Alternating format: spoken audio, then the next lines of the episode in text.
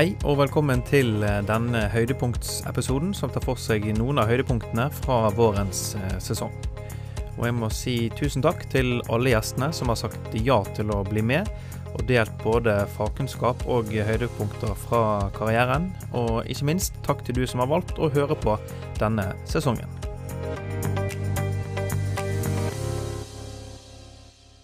Noen ganger så er det veldig interessant å høre når eh, geologer drar på feltarbeid, og så oppdager de plutselig noe helt uh, uventet, slik uh, Jan Mangerud gjorde i 1968 på Fjøsanger i Bergen. Ja, først så fant jeg jo det jeg var ute etter å finne, da. En morene med skjellfragmenter. ja. Og eh, på den tiden undersøkte jeg morene med skjellfragmenter i Bergen, og de var fra slutten av siste istid.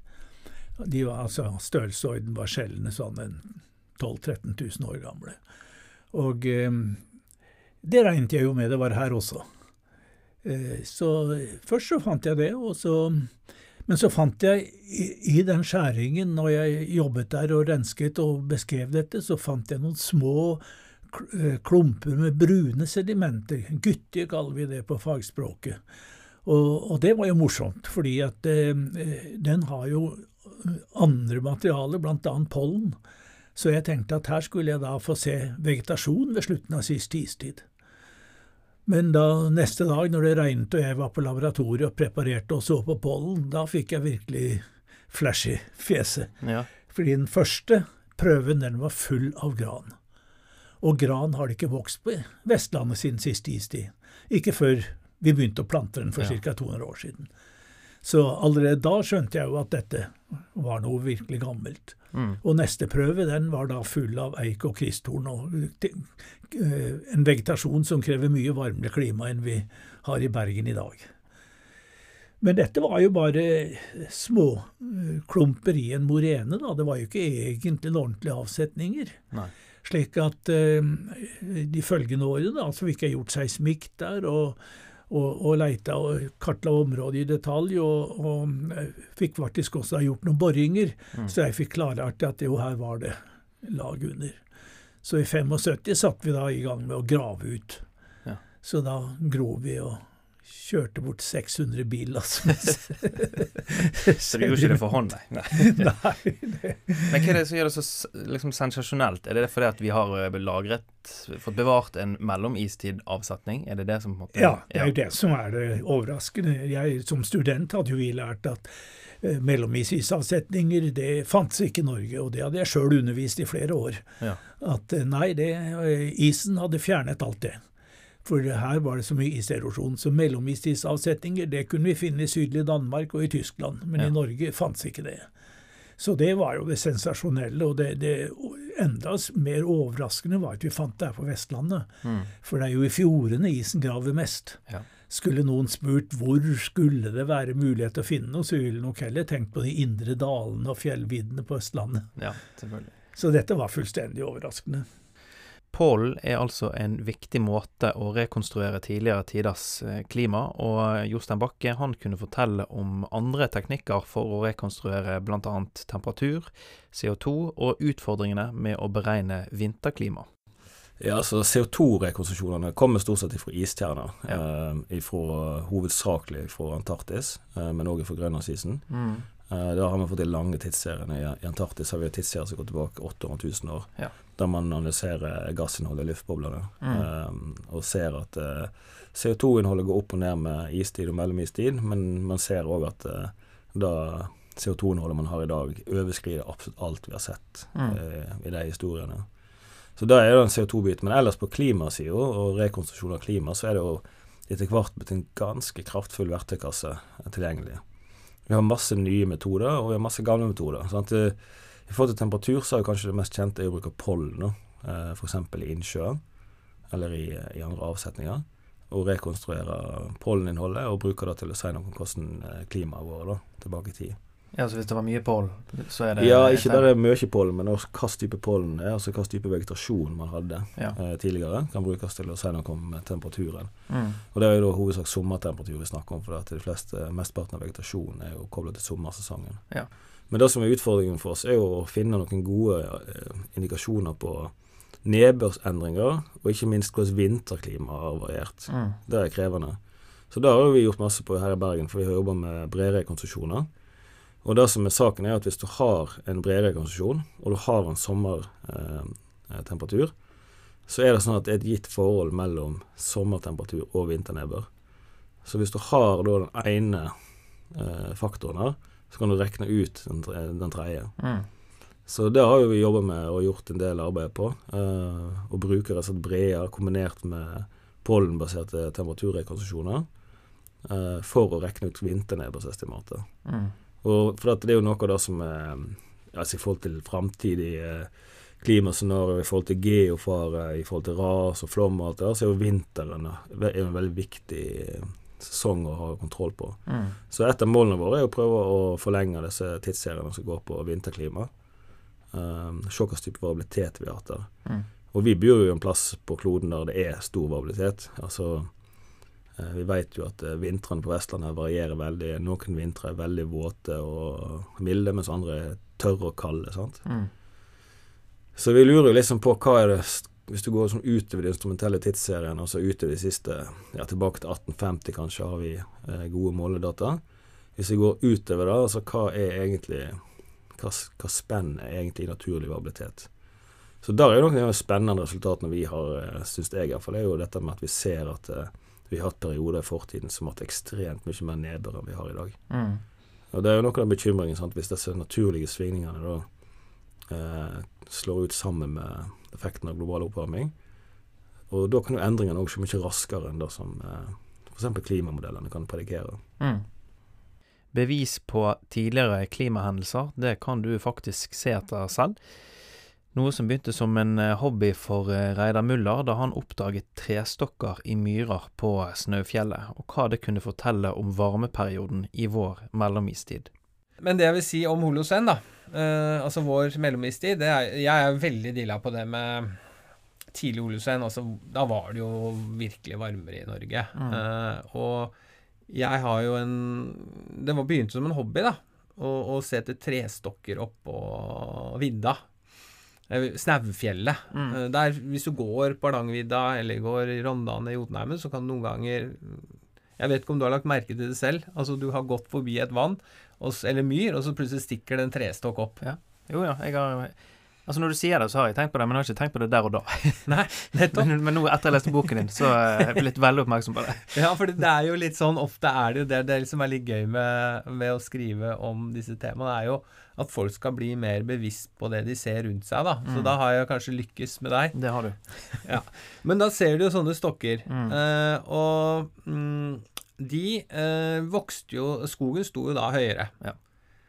Og en viktig grunn til det, det er jo at eh, somrene, somrene var varmere eh, tidlig i vår mellomistid. Sånn. Og, og de stokkene er jo rundt sånn fra 7 til 10 000 år gamle, da, når vi daterer de. Jeg har funnet flere stokker sør for London som er rundt 9000 år. Mm. Og det er jo veldig fascinerende å tenke at dette Snaufjellet faktisk var skogkledt Mm. med furuer. Uh, og temperaturen var kanskje sånn 1,5-2 grader varmere enn i dag, da. Mm. Og da var vel kanskje breen òg ganske Du skrev at Jostedalsbreen var nesten smeltet bort for 7300 år siden, eller? Ja, og, og dette er jo forskning igjen. Jeg har jo Det har vært litt gøy, da. Jeg har jo vært med litt forskere rundt omkring også. Mm. eh, og snakket mye med forskere som holder på med dette. Og dette er jo Atle Nesje Universitet i Bergen har jo Mm. drevet mye med dette her. Og han undersøkte jo da noen vann som lå rett ved Jostedalsbreen, hvor eh, han ser da ved hjelp av disse bresedimentene, eller sedimentene i det innsjøen, at, at breene forsvant da kanskje for rundt 7300 år siden. Eller at Mm. Ble eh, borte, da. Og da var tregrensen mye høyere enn i dag. Og tregrensen var høyere. Så det var et helt annerledes Norge. Det var et Norge med skog på vidda, og breene var borte. Og, og det er jo der vi er på vei nå. Men nå Mm. skyldes jo våre utslipp. At skogen er på full fart oppover. Litt andre faktorer. Litt mindre beiting og sånn i fjella av øh, husdyr og sånn. Men altså det er Skogen er på vei øh, oppover, og breene er på vei til å forsvinne. Og Jørn Hurum han eh, kunne også fortelle om en stor oppdagelse, nemlig oppdagelsen av dinosaurfotspor på Svalbard, som ble gjort eh, på 60-tallet av en franskmann. Det var en franskmann, da. Som var, han var en del av en tur. For det, det var faktisk da den internasjonale geologiske kongressen var i Skandinavia. Mesteparten var i Danmark og i Sverige. Men så var det også en tur til Svalbard eh, for geologer. Eh, og det var jo det mest eksotiske reisemålet ikke sant, av det de kunne være med på. Så det var mange, mange som var med på det i 1960, og som reiste opp da til Longyearbyen, og som hadde da båt langs Isfjorden. Altså sørsida av Isfjorden. Seilte og så på geologien der. Og så står han på dekk. Eh, jeg var jo ikke der. Jeg var ikke født ennå. Men eh, jeg har fått fortalt det. Han står på dekk, og så sier han det at hm, i Provence så har vi lignende bergarter, og i de har vi dinosaurfotspor så går de i land for å se på disse, for det, det, er en sånn veldig spesiell geologi der. Så de går i land for å se he, hele lagfølgen, som vi kaller det, altså med forskjellige lag etter hverandre. Så kommer de til denne sandsteinen, da. Og så ser de opp på den, og så er det dinosaurfotspor som dekker ganske mye av den store veggen der med sandstein på festningen. Eh, og det er jo ganske spesielt, fordi den eh, den eh, veggen den hadde rett og slett mange, mange geologer sett i over 100 år. Ingen av dem har sett fotsporet. Litt bittert at det var en franskmann som måtte det Nei, men det er, det er, så typisk. Altså, du finner det du leiter etter. Ja.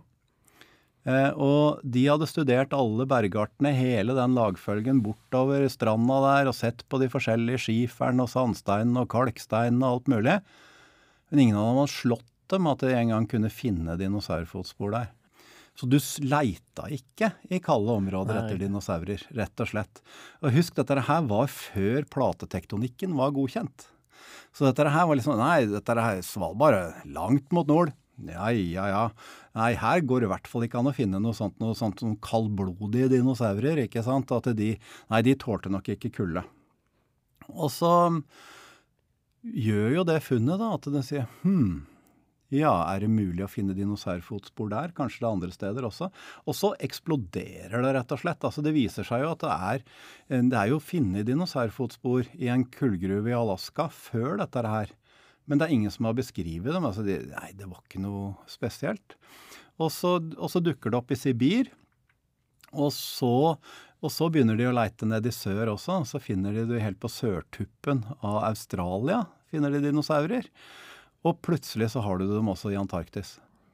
Så det revolusjonerte hele tankegangen om hvordan du finner dinosaurer. og Derfor ble det funnet masse mer dinosaurer over hele verden. For det var ikke bare i varme strøk du leita eh, lenger. Henrik Svendsen han kom for ikke så lenge siden ut med en bok om norske bergarter. Og det var eh, interessant å høre om hvorfor han ville skrive en bok om nettopp det.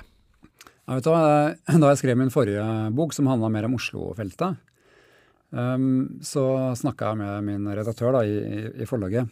Um, og så påpekte jeg jo sant, eh, det at hvis du går i en bokhandel og så sjekker i hylla med eh, naturhistoriske bøker, eller bøker om naturvitenskap, og kanskje eh, ja, eh, biologi og sånn, så er det jo veldig mye bøker om eh, sant, trær og planter og fisker og pattedyr og insekter og alt sammen. Eh, men så er det på en måte et stort tomrom i disse bokhyllene. det er ingenting om geologi der eller alt som har liksom med den delen av naturen å gjøre. Uh, så hvor, hvor, er det blitt av alle bergartene? ikke sant? Det er kanskje en håndbok om mineraler, mm. det er fint det. Men uh, det mangler på en måte en bok om, altså en fortellende bok. Som ja, handler om bak. Ja, ja, mm. ja, Det var et mangel på det, ja. Uh, det er klart det er jo skrevet bøker om Norges geologi, men det er ikke nødvendigvis det samme som en bok om bergarter. ikke sant? Så jeg fant ut at jeg måtte skrive en bok der hovedtemaet er rett og slett bergarter, og fortelle om bergartene som vi finner rundt oss i, i, Norge i dag. Ja.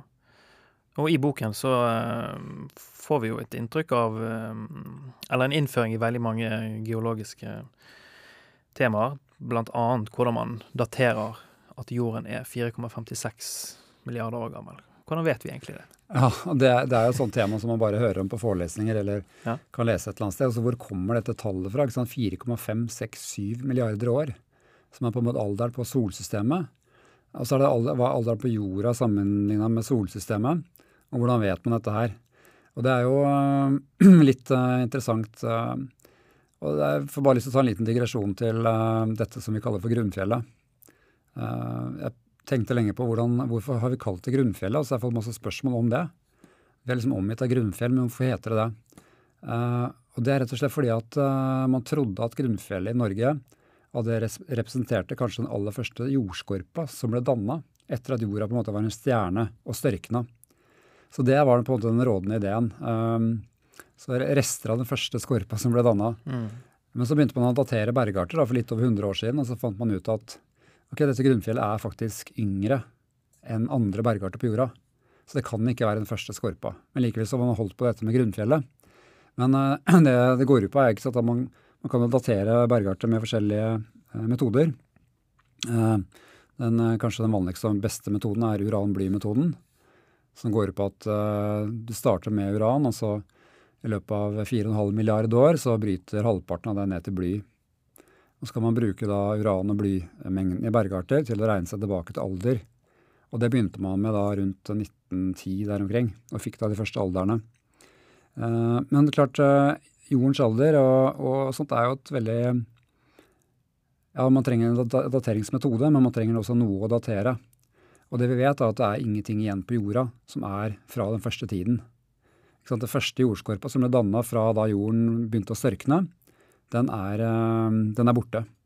Så hvordan kan vi da vite hvor gammel jorden er? Uh, og korte svaret på det er egentlig at uh, altså folk har samla meteoritter i alle år. Uh, om det var Pallas, naturhistorikeren i Sibir, ikke sant, som fant den første jernmeteoritten i Sibir for 300 år siden, eller andre materialer, så kan vi datere de bergartene. Uh, og det er én type meteoritter som uh, blir sett på som en sånn slags uh, byggesteiner, eller byggemateriale, i hele solsystemet, og de kalles kondritter. Og de inneholder noen sånne små biter av et mineral som inneholder uran og bly. Så det kan man datere. Og det er altså de små flekkene i kondrittene som er datert til 4,5-6-7 milliarder år. Og ja, det er alle meteoritter som er funnet, da? Det er en del uh, som er funnet som Det er den vanligste meteorittypen, og så er det ganske mange som er datert. Og de eldste har den, den alderen. Ja. Uh, så det gir solsystemets alder. Men så er jordens alder det er jo litt annen greie. Fordi jorden, eller tidligjorden, kolliderte jo med denne planeten som kalles Theia på et eller annet tidspunkt. og kollisjonen var jo så voldsom at jorden og denne teia sjokksmeltet, og materialet ble slynget rundt. og gikk i bane, og som til slutt danna månen og jorda. Men kortversjonen er at man tror det skjedde for ca. 4,5 milliarder år siden. Altså en liten stund etter eh, solsystemets eh, dannelse. Mm. Basert på bl.a. dateringer av prøver fra, fra, månen. Så ganske sånn eh, kompleks affære, egentlig. Altså det å finne ut av jordens alder og solsystemets alder. En annen som har formidlet mye geologikunnskap, særlig gjennom lærebøker, det er Håkon Fossen. Et viktig forskningsfunn gjorde han under sitt ph.d.-prosjekt, da han fant ut at det vi tidligere trodde var foller relatert til kollisjonen mellom Laurentia og Baltica, faktisk var relatert til kollapsen av den kaledonske fjellkjeden. Um, det er riktig. Um, det har med ja, Vi ser strukturer som viser at altså, når du skyver ting sammen, så får du det som kalles skyveforkastninger. Mm. Når du presser ting sammen, og det er reversforkastning. Da legger du bergarter oppå oppå hverandre, på en måte flak oppå hverandre, og du bygger i høyden og forkorter i eh, sidelengs. Mm. Eh, det motsatte skjer når vi har ekstensjon. Da trekker vi jordskorpen ut, så, og vi får det som vi kaller normalforkastninger og tilsvarende skjærsoner mm. dypere nede. Og de finner vi mange steder, og spesielt i den kaledonske fjellkjeden. Ja. Og det, var, det, er veldig interessant. Det, det var jo det jeg Eh, drev på med under min eh, doktorgradsperiode, å prøve å dokumentere dette. Mm. For vi lærte at alle disse skjærsonene og forkastningene i, som var verdt å se på i eh, kaldonidene, de var skyveforkastninger, og det hadde beveget seg mot øst og sørøst. Ja, Så det var kollisjonsfolder, ja, egentlig? Ja, ja eller, folder, og ja. masse, mange folder som De mange foldene som vi finner i, i kaldonidene. Mens du da dokumenterte, at, og også andre selvfølgelig, at det meste av dette faktisk viser feil bevegelse. Ja. Altså ikke bevege seg vekk fra kollisjonssonen og ut mot siden, men inn mot kollisjonssonen. Ja. Så i kaldonidene, den kaldonske fjellkjeden, i hvert fall her i, i Sør-Norge, så har vi hatt en veldig sterk kollaps, en veldig sterk eh, ekstensjonsfase på slutten eller etter selve kollisjonsfasen. da. Ja. ja, Så det betyr hvis, hvis folk er på en fjelltur, enten det er noe ja, hvor det måtte være, og ser en uh, sett med folder, da, så er, så, så er, det mest sannsynlig knyttet til ekstensjonsregimet, ikke kondisjon. Det gjelder brurestakkfold, ja. og det gjelder ja, det finnes veldig masse folder, veldig veldig masse folder, i spesielt ja, egentlig hele Kaldonidene. Ja. Og, og, veldig mange av de er relatert ikke til selve fjellkjedebygningen, konstruksjonen, men, men ødeleggelsen av fjellkjeden. Ja. Men sånn fjellkjede ødelegges på, altså på to måter. Det ene er jo det at du får erosjon. Du Vær og vind sliter ned fjellkjeden på toppen. Ja. Men da er det også, også, veldig viktig, spesielt her i Kaldonidene, det som skjer at, at du får en kollaps og strekning av jordskorpen. Ja. Og Det er derfor denne roten har kommet opp igjen. Ja, som, helt opp til, ja, til overflaten. Isfjell, så, ja, ja, Det er fordi denne, disse prosessene har klart å bringe det som var roten, helt, helt opp til overflaten noen steder.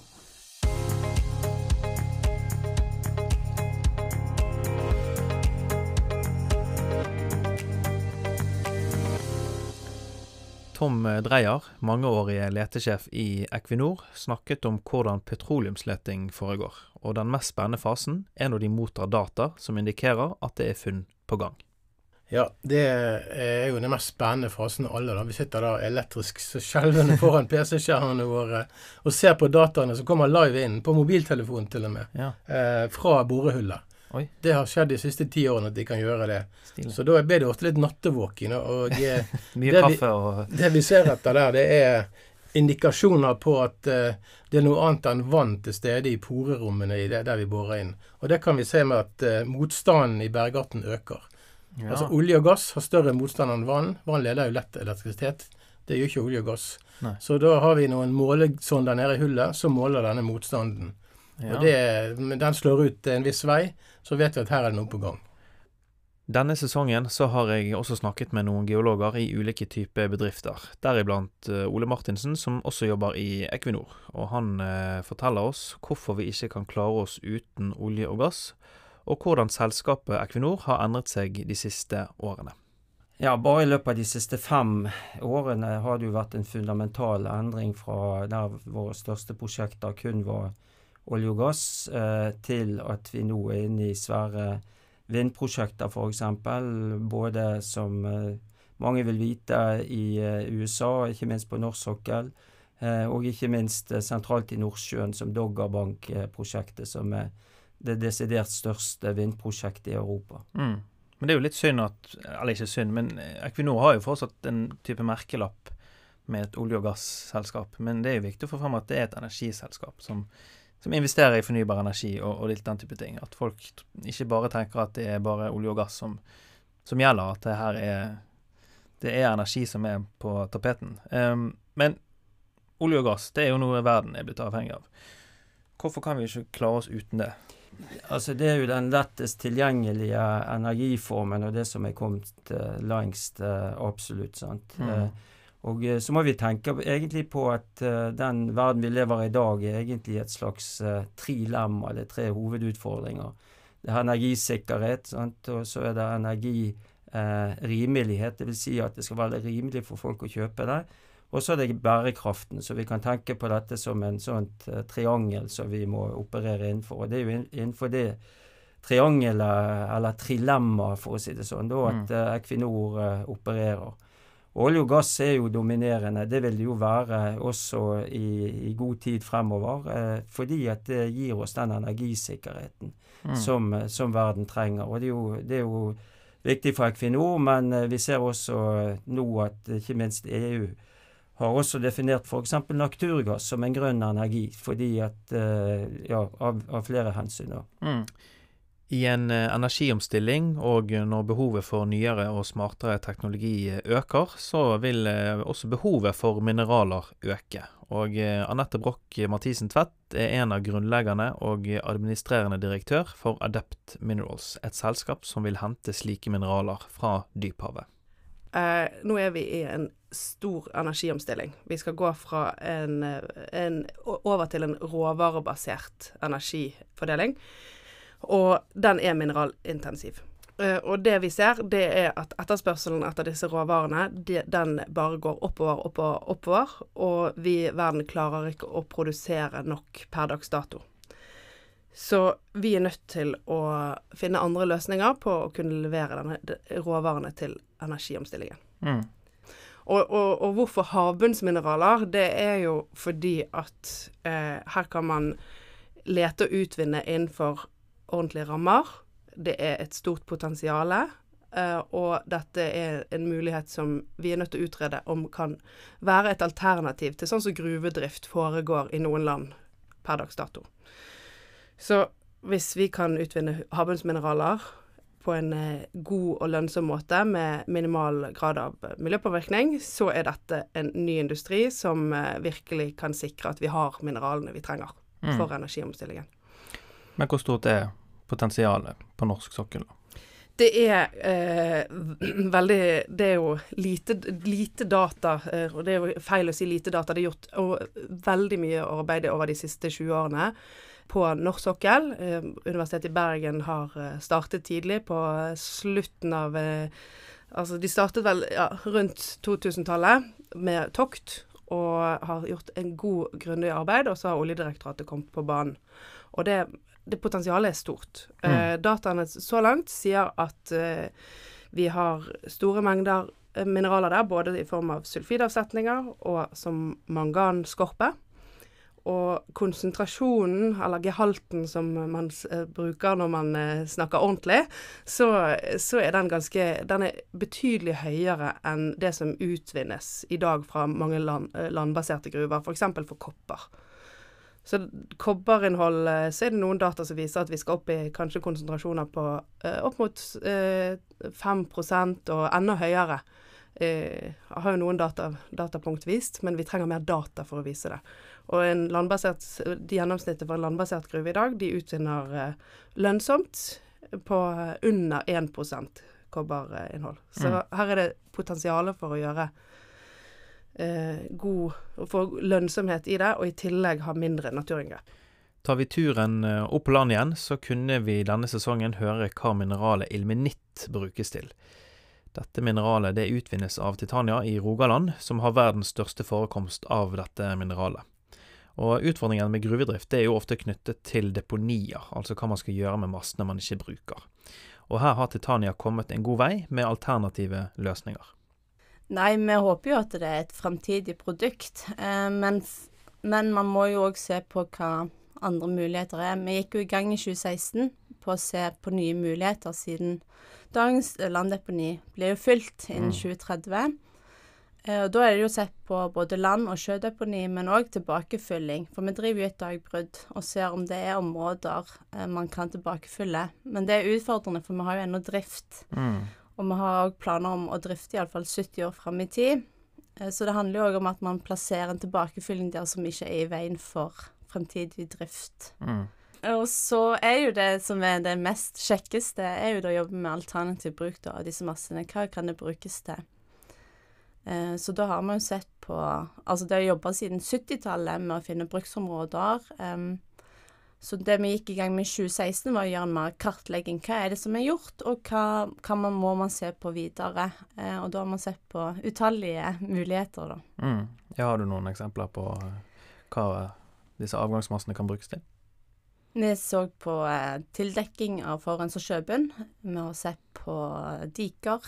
Eh, vi har sett på å ha det i asfalt, eh, sement, eh, betong keramiske produkter. Eh, vi har sett det på som jordforbedring. Eh, ja, listen er egentlig lang. Mm. Eh, har dere noen pågående prosjekter for eh, alternativ bruk av avgangsmassene? Eh, ja. Det som er så fint, er jo at eh, vi har jo jobba med alternativ bruk over lengre tid. Og i 2014 da, så var man med i et prosjekt, eller en ph.d., da, med, i samarbeid med Universitetet i Stavanger.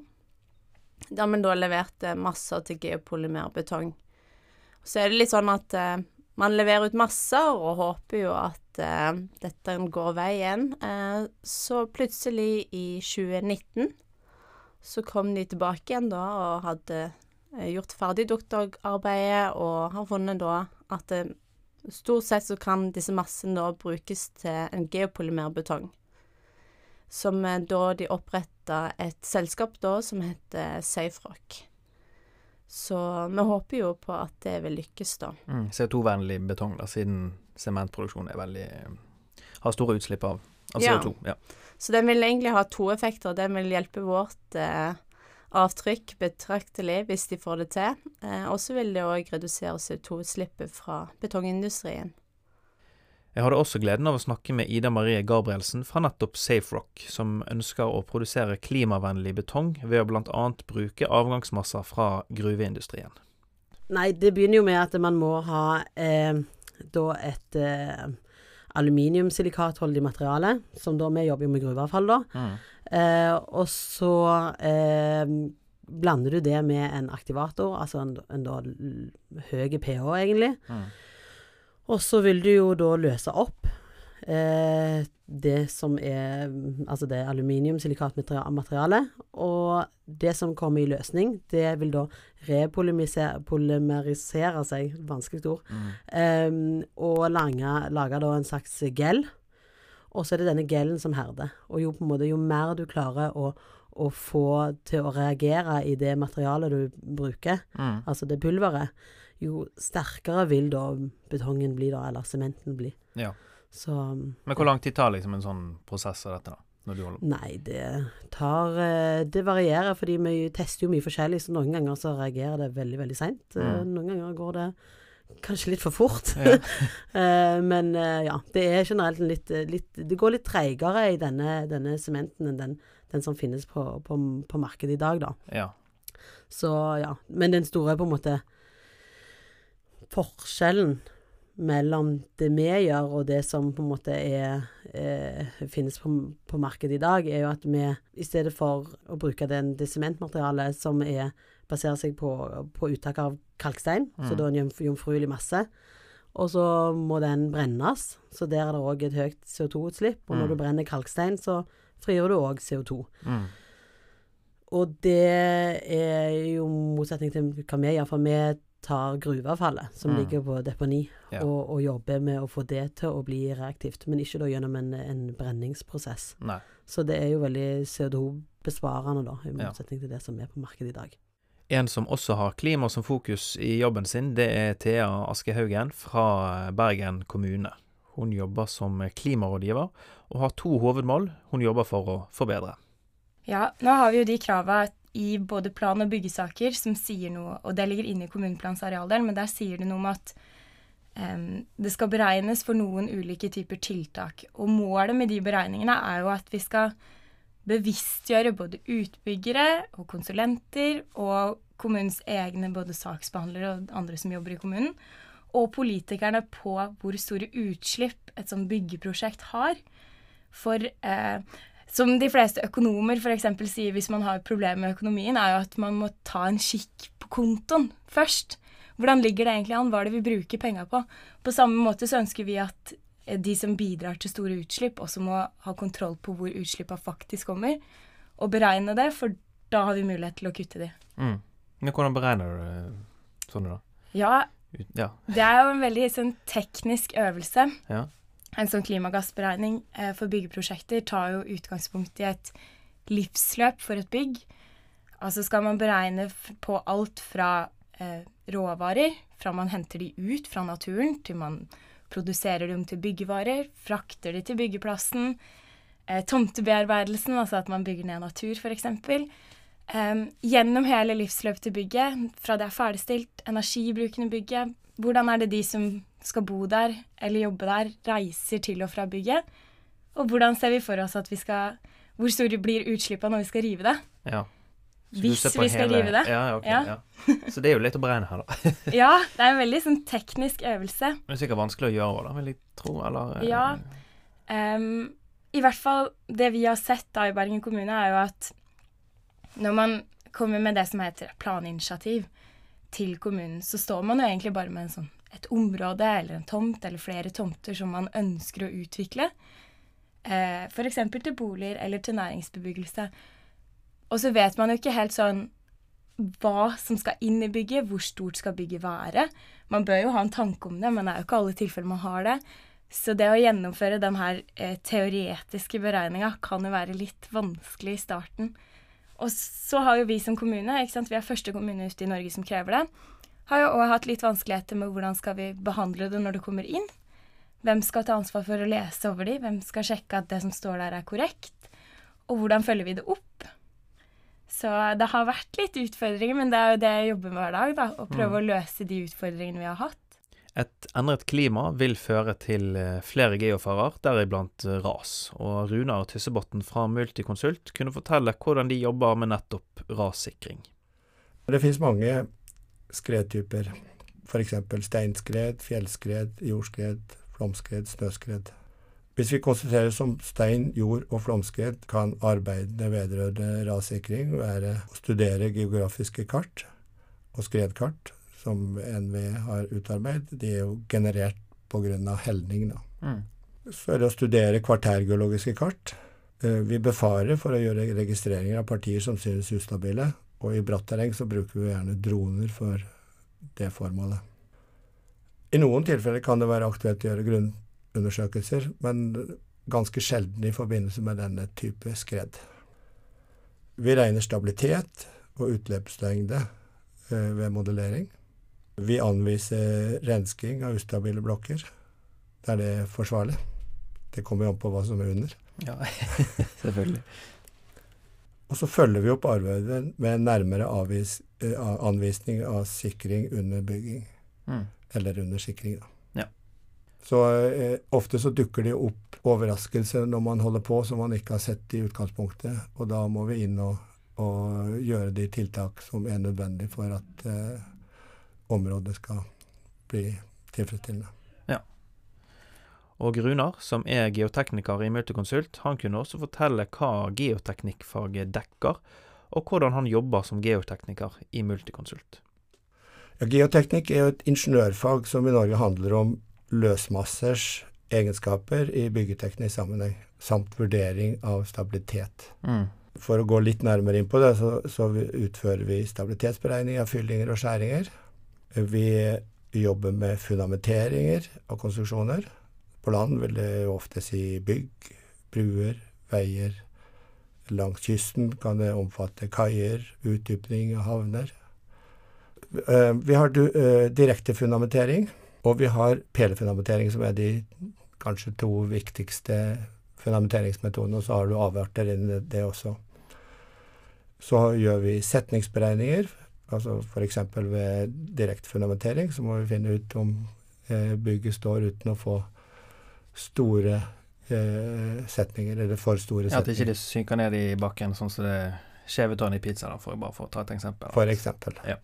Så vi må vite at eh, et bygg er tilfredsstillende fundamentert, at det står godt, og at det ikke får for store setninger.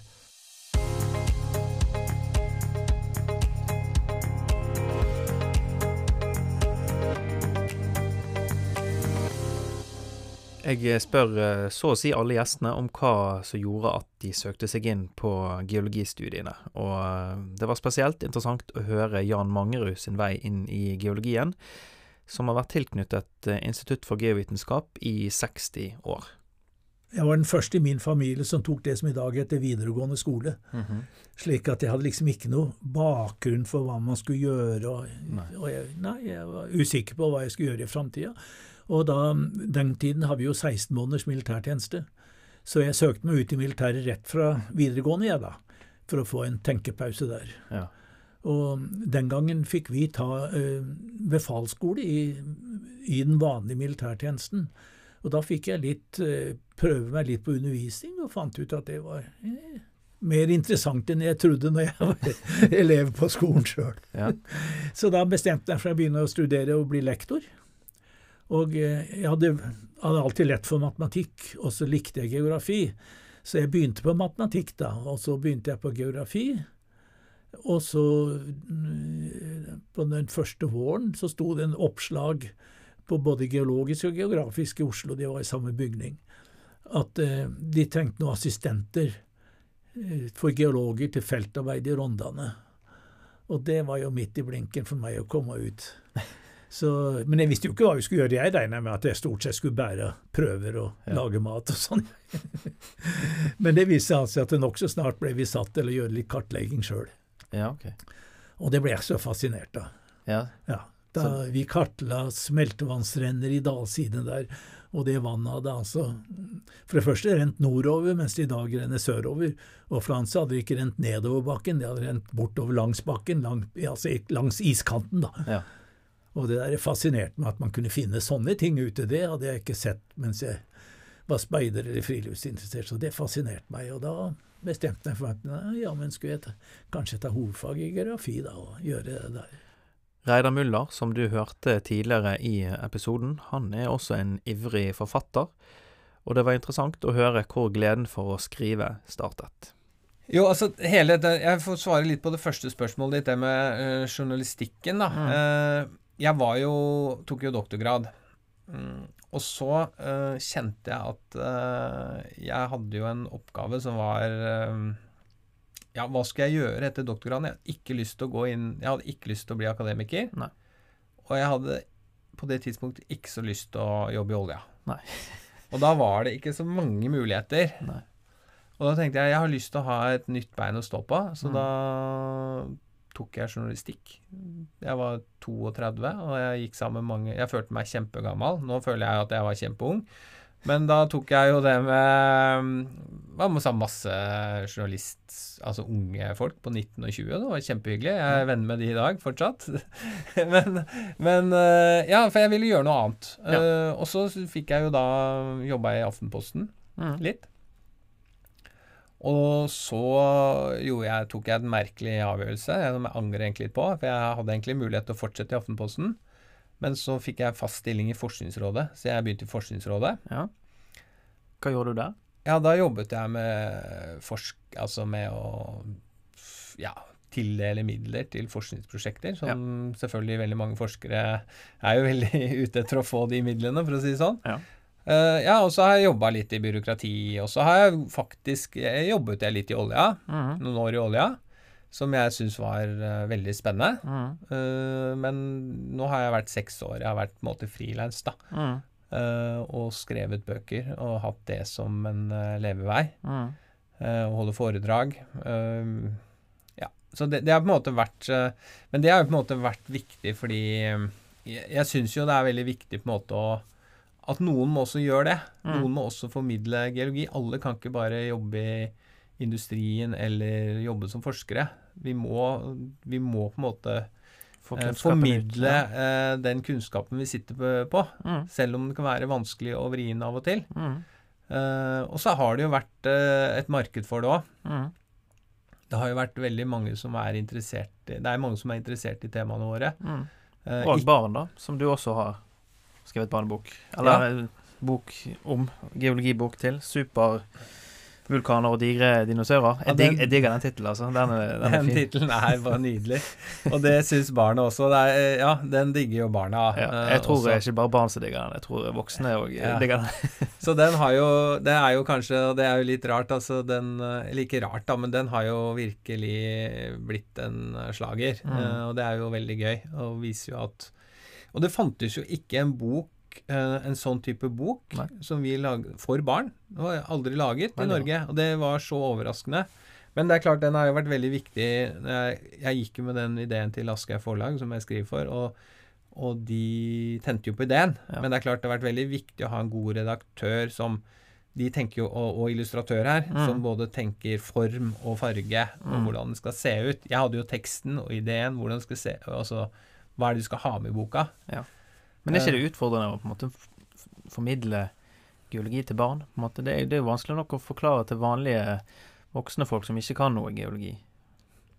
Ja. Nei, altså, jeg er tenker at eh, Jo, altså, barn og Man har jo, er litt lik, eh, fordi den er jo spekket med fun facts, den boka. Mm. Det er bare fun facts. Mens det som ble Norge, er jo mye mer kunnskap, og sånn som den siste boka, Milo Is, er jo Altså, du må jo forklare en del Det er en del komplekse fagtermer man må faktisk forklare hvis du Mm. skal forstå virkelig hvordan klimaet endra seg. Mm. Eh, så det har jo vært målet med ild og is, eh, å, å gjøre det på en ordentlig måte. Men, men, for barn så er det jo bare å dra på fun facts og dra på de store ikke sant. Det var Supervulkan som sa bang, og så er de fornøyd og bare vite det. Ja. Og, og hvis de er nysgjerrige til å vite mer, så må de lese Da står det litt mer i boka. Og, ja, så, det, så, kan de finne ut mer ved å google litt, ikke sant. Ja. Men man begynner der. Og mange voksne syns jo det også er nok. Ja. Og, altså, det holder. Og nå tenkte jeg vi skulle ta for oss noen av eh, karrierehøydepunktene til noen av gjestene i årets eh, sesong. Og det er jo et spørsmål jeg ofte stiller, eh, men som jeg får ulike svar på. Og det første jeg vil trekke frem, det er Håkon Fossen sitt høydepunkt, nemlig en lærebok han utga for noen år siden, som jeg tror har vært til stor hjelp for de aller fleste som studerer geologi. Ja, det, det, er egentlig ganske lett å svare på. Ja. Og det er det å på en måte formidle eh, ting til studenter. Til neste generasjon. Og ikke, nå underviser jeg selvfølgelig litt, men ikke like mye som mange andre. Men det jeg har gjort, er å skrive en lærebok i strukturgeologi. Mm. Som eh, først på norsk, da, sammen med Roy Gabrielsen, men en, en ny lærebok på, på, engelsk som ble publisert på Cambridge University Press. Eh, mm der prøvde jeg jo da på en måte å samle den kunnskapen som jeg, eh, som jeg hadde, det som jeg hadde lært, det som jeg syntes var viktig å formidle i strukturgeologi. Og var jo igjen veldig usikker på hvordan det ville bli mottatt, men markedet tok veldig godt imot den. Studentene tok, har tatt veldig godt imot den, solgt godt. Den mm. mest brukte strukturgeologiboken på verdensbasis har blitt ja. oversatt til en rekke forskjellige språk. Ja, det og når de kommer på konferanser og sånn, så, så, er det alltid studenter som vil uh, ha signatur og underskrive. Såpass, ja. I Brasil er det jo køer, faktisk, av studenter som vil ja, det, og, det, og, det, er egentlig viktigere enn en priser. Sant? Ja, det skjønner jeg. Og det er en veldig god bok òg, det skal sies. Jeg uh, hadde veldig stor glede av den. så jeg... Uh, jeg har troen på at eh, hvis den selges på land, verdensbasis, så tipper jeg at den er slår godt an. Så da må jo jeg si takk for at du skrev en sånn bok. Ja. Siste, siste språket ble oversatt til eh, mongolsk, mongolsk hvis, noe, hvis, du har interesse for det. Ja, men det får jeg skaffe meg den utgaven der, da. Og Runar eh, Tyssebotn fra Multiconsult han trekker frem enkelte prosjekter som sine høydepunkt. Ja, det er egentlig vanskelig å, å trekke fram ett høydepunkt. Ja, det skjønner jeg. Men det handler ofte om de små tingene, å finne gode løsninger. Noen større prosjekter kan jeg nevne. Altså jeg var involvert i et uh, stort rasprosjekt i Ullensvang, like sør for Lofthus. Der var det noen kilometer vei som skulle sikres i veldig bratt terreng. Og der uh, ble det gjort ved uh, såkalt jordnagling. Og det er den største jordnaglingsjobben som er gjort i Norge. Og så vil jeg også nevne en sak i bybaneprosjektene, der det var prosjektert tre byggegrupper som ble veldig dyre. Og det medførte at uh, Bybanen gikk ut til entreprenørene og ba om å få alternative løsninger. Der jeg ble involvert og uh, bisto med metodevalg og prosjektering. Og i den saken så ble uh, prisen i størrelsesorden 50 millioner billigere enn den opprinnelige løsningen. Ja.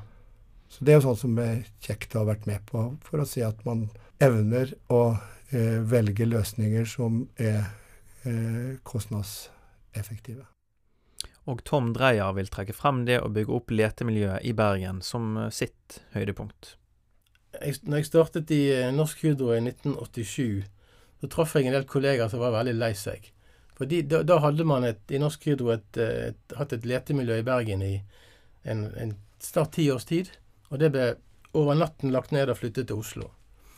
Så jeg fikk sjansen rundt 2005 å bygge opp igjen det letemiljøet i Bergen. Da.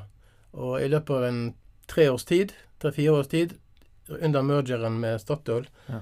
så økte det fra to personer til nærmere 40 personer. Omtrent sånn det som det er i dag. Oi. Og det er jeg veldig veldig stolt av. At det, å bygget opp det, det miljøet der. Uh, som, ja, det, som hovedarkitekt for det. Og til slutt så synes jeg eh, faktisk Ole Martinsen sitt høydepunkt er veldig flott, nemlig at vi skal være stolte over å være geologer i dagens samfunn.